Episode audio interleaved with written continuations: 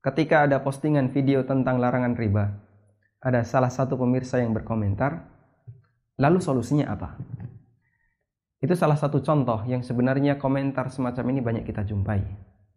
Komentar dari sebagian kaum muslimin yang memberikan kesan tidak sepakat ketika mereka mendapatkan keterangan tentang aturan syariat mengenai masalah tertentu. Terutama ketika hukum itu bertentangan dengan kebiasaan masyarakat atau kepentingan pribadinya. Yang lebih menyedihkan lagi, ada sebagian yang beranggapan, selama mereka belum menemukan alternatif yang halal, mereka anggap hukum itu tidak berlaku. Masya Allah. Baik, coba kita akan melihat lebih dekat. Bagaimana keterangan Allah Subhanahu wa taala tentang kewajiban kita dalam mengikuti syariat. Yang pertama, kita patut menyadari bahwa tidak semua hukum yang Allah Subhanahu wa taala turunkan itu berpihak pada kepentingan kita atau kepentingan masyarakat. Bahkan banyak hukum syariat yang itu kalau kita pelajari justru bertentangan dengan kepentingan pribadi kita atau masyarakat. Karena keterbatasan akal manusia. Sehingga mereka tidak mampu membuat aturan yang bisa mewujudkan semua kemaslahatan dalam hidupnya. Sehingga kita butuh aturan Allah Subhanahu wa taala Allah Maha tahu masa depan sehingga Allah tahu apa yang paling maslahat untuk kehidupan kita. Kita ingat firman Allah Subhanahu wa taala, "Wa asa an takrahu syai'an wa huwa khairul lakum wa asa an tuhibbu syai'an wa huwa syarrul lakum." Bisa jadi kalian membenci sesuatu sementara itu baik bagi kalian dan sebaliknya bisa jadi antuhibbu syai'an kalian mencintai sesuatu wa huwa syarrul lakum padahal itu buruk bagi kalian. Lalu Allah Subhanahu wa taala mengakhiri ayat ini dengan mengatakan wallahu ya'lamu wa antum la ta'lamun. Allah Subhanahu wa taala yang Maha mengetahui sementara kalian tidak mengetahui. Karena keterbatasan kita. Kemudian yang kedua, kita meyakini bahwa Allah Subhanahu wa taala menurunkan syariat ini bukan untuk merepotkan diri kita, tapi semua untuk kemaslahatan hidup kita. Kita bisa lihat bagaimana firman Allah di surat Thaha Taha ma anzalna alaikal qur'ana litashqa. Kata Allah, tidaklah aku turunkan Al-Qur'an ini alaika kepadamu litashqa agar membuat kamu jadi susah. Illa tadhkiratan liman yakhsha. Tetapi sebagai peringatan bagi orang yang takut kepada Allah Subhanahu wa taala. Karena itu termasuk suudzon kepada Allah ketika Anda meyakini Allah Subhanahu wa taala menurunkan hukum syariat itu untuk membuat repot hidup kita. Yang ketiga, kita patut menyadari bahwa kepasrahan terhadap hukum Allah Subhanahu wa taala merupakan konsekuensi dari iman. Allah Subhanahu wa taala mengingatkan di surat An-Nisa, "Fala wa rabbika la yu'minuna hatta yuhaqqimuka fima shajara bainahum."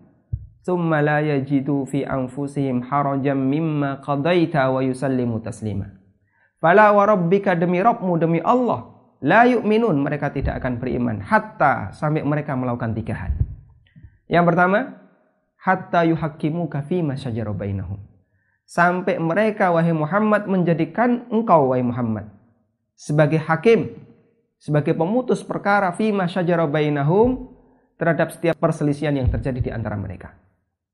Kemudian yang kedua, summa la yajidu fi anfusihim harajan mimma qadaita. Mereka tidak mendapatkan fi anfusihim dalam diri mereka harajan kesempitan mimma qadaita terhadap keputusan yang telah engkau berikan. Kemudian yang ketiga, wa yusallimu taslima. Dan mereka pasrah dengan sepenuh hati terhadap semua keputusan yang engkau berikan. Kata Ibnu Qayyim rahimahullah bahwa tiga syarat ini merupakan syarat orang untuk bisa disebut sebagai orang mukmin sebagaimana yang beliau sebutkan di kitabnya Madarijus Salikin. Kemudian catatan yang keempat. Coba kita lihat bagaimana kepasrahan para sahabat Nabi SAW. Ada banyak sekali hukum yang ketika Allah turunkan, hukum itu bertentangan dengan kepentingan para sahabat. Kita bisa ambil contoh misalnya masalah khamr. Khamr Benda ini dulunya sebelum diharamkan termasuk komoditas ekspor Madinah. Khamr menjadi salah satu sumber penghasilan bagi masyarakat Madinah. Anda bisa bayangkan ketika kurma dan anggur mengalami panen raya.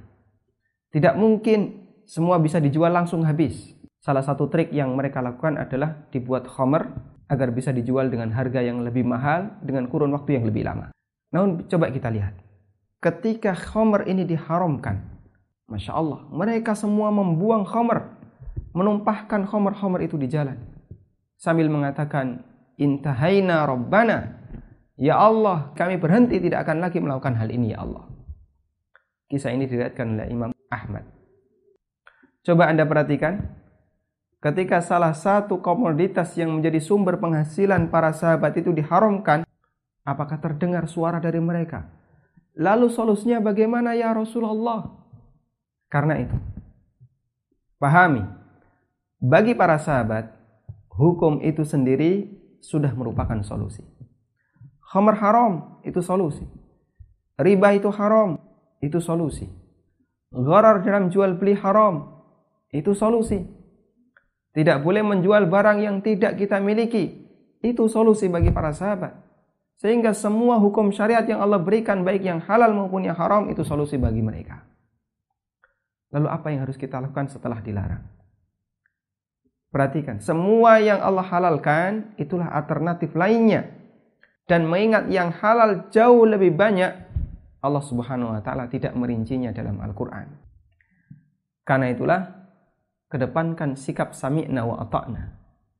Kami dengar dan kami taat ya Allah karena alternatif yang halal jauh lebih banyak daripada yang haram.